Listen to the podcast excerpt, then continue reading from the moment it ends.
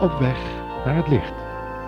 Een familieprogramma voor geestelijke groei van de Stichting Adullam in Curaçao. Wij uw en wij uw wij en wij uw naam. Alleluia, alleluia. Lofprijzing voor God.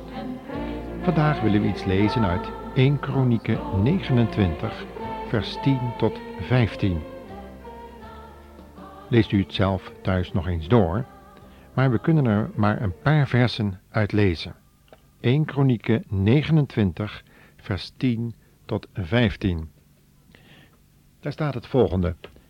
Het is de geschiedenis van David, die daar op een eh, nogal onverkwikkelijke manier geconfronteerd wordt met iemand die naar de troon wil grijpen. Luistert u maar. 1 Kronieken 29.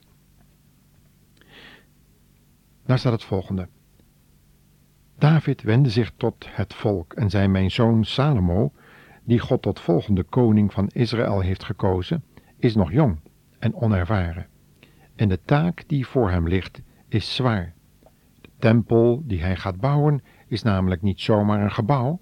Het is bedoeld voor de Heere God, uit alle bronnen die ik tot mijn beschikking had. En daarover heb ik zoveel mogelijk materialen gehaald die nodig zijn voor die bouw. Voldoende goud, zilver, koper, ijzer en hout, grote hoeveelheden chrysopraas, andere kostbare stenen in allerlei kleuren, kostbare edelstenen en marmer. En hiertoe wil ik een schenking doen, omdat ik zo graag wil dat het huis van mijn God er komt. En ik geef alles wat ik persoonlijk aan goud en zilver bezit weg voor de bouw. En dan wordt er een opsomming gegeven wat er allemaal al zo geschonken wordt. Iedereen was daar zo opgewonden over en blij dat er iets mogelijkheden was gekomen om iets voor het huis van God te doen en dat ze zelf, het hele volk wat daarbij aanwezig was, ook iets wilde doen. En koning David was zo diep ontroerd over die bereidheid van de mensen, zijn onderdanen, dat ze zoveel wilden afstaan, dat hij zijn dankbaarheid jegens de Heere met de volgende woorden uitdrukt. O oppermachtige Heere, God van onze vader Israël, uw naam zij voor altijd en eeuwig geprezen. Van u is al de macht, de glorie, de overwinning en de majesteit. Alles in de hemel en op aarde is van u, Heere, en dit is uw koninkrijk. En wij vereren u als degene die alles in handen heeft.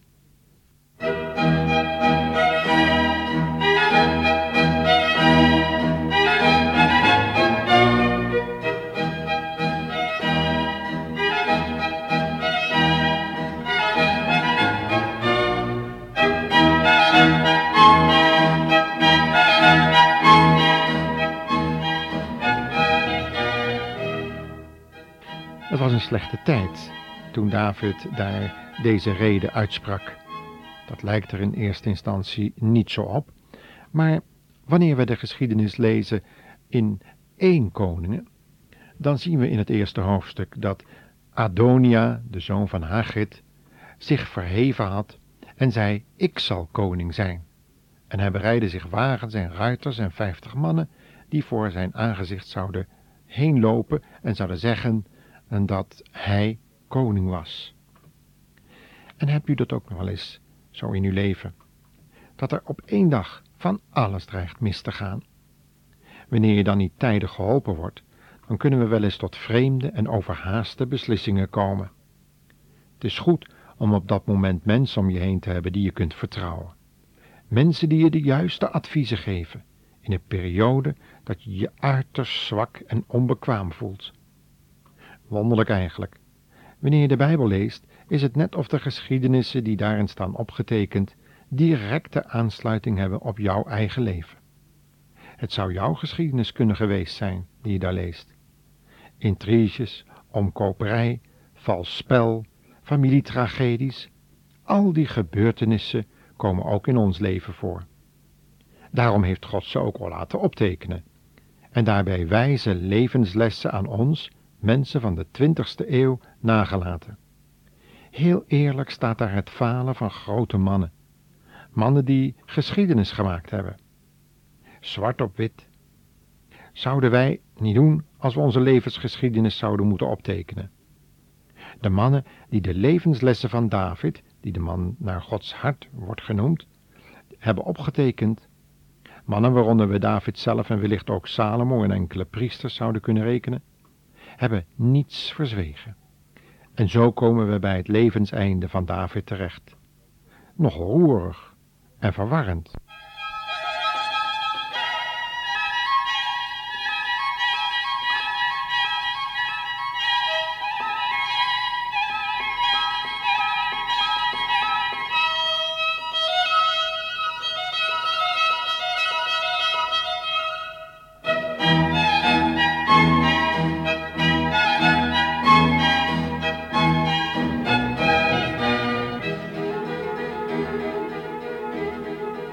Want er dreigde toch plotseling van alles mis te lopen rond die troonopvolging van de zieke en zwakke David.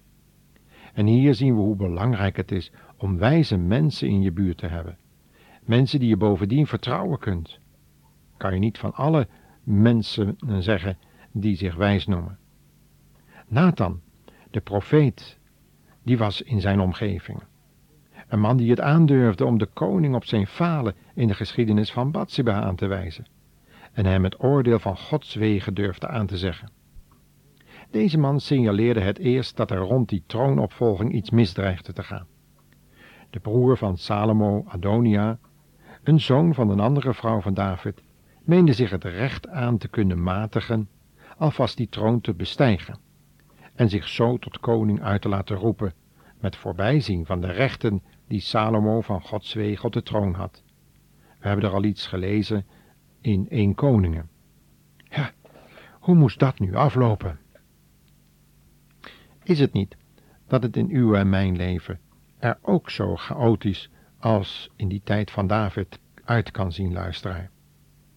Wat een voorrecht om dan betrouwbare mensen om je heen te hebben, die je kunnen adviseren, zoals deze moedige profeet Nathan en een geliefde echtgenote, waarmee je lang leven, lief en leed gedeeld hebt en je zo goed kent. Wanneer het gelovigen zijn die de Heere God van harte liefhebben en ernstig rekening willen houden met Gods woord en zijn belofte, dan weten we helemaal zeker dat er niets mis kan gaan in ons leven, al zien de omstandigheden er nog zo donker uit. Zo weten wij dat het waar is wat Paulus veel later zou optekenen in Romeinen 8, vers 27 tot 29, waar we lezen en God, die het diepste wezen van alle mensen onderzoekt, begrijpt wat de geest bedoelt. Wat hij voor de gelovigen vraagt, is in overeenstemming met Gods wil. Eén ding weten wij. Voor wie hem liefhebben, laat God alles meewerken voor hun bestwil. Want hij heeft een plan met hun. Hij heeft altijd al geweten wie hem zouden liefhebben. En hij bepaalde ook dat die mensen zijn zoon zouden weerspiegelen. In Davids geval zien we in de geschiedenis die we vandaag overdenken, opgetekend in 1 Kronieken 29, vers 10 tot 15, hoe Nathan als profeet en Batseba als zijn geliefde vrouw David op het spoor van Gods plannen en gedachten houden. Salomo wordt tot koning gekroond en de troon wordt behouden voor de man die in veel opzichten een schaduwbeeld zou worden van de grote en komende vredekoning die de Heer Jezus Christus is. Wat een dankbaarheid was er bij David en degene die Gods woord en belofte lief hadden. Van Salomo's broer lezen we dat zijn vader hem nooit had bedroefd, al zijn dagen. Dat was niet zo'n mooie karaktertrek van David. En we zien hieruit dat de mannen Gods in het Oude Testament ook zo hun zwakke kanten kennen. Maar er is een troost in deze geschiedenis. God laat zijn plannen niet dwarsbomen door onze fouten en tekortkomingen. Hij maakt zijn eigen werk af in zijn kinderen, als hun hart maar op de juiste plaats blijft zitten en toegewijd blijft aan het doen van Gods wil. Dan richt God onze struikelende knieën weer op en maakt Hij na onze beleidenis, als een liefhebbend, maar rechtvaardige vader, rechte paden voor onze voeten, soms door tuchtmaatregelen heen.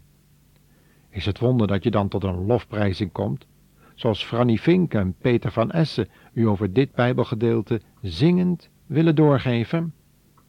Eeuwige Vader, heet de cassette die ze hebben gemaakt. Thans loven wij u, God. Thans loven wij u, God.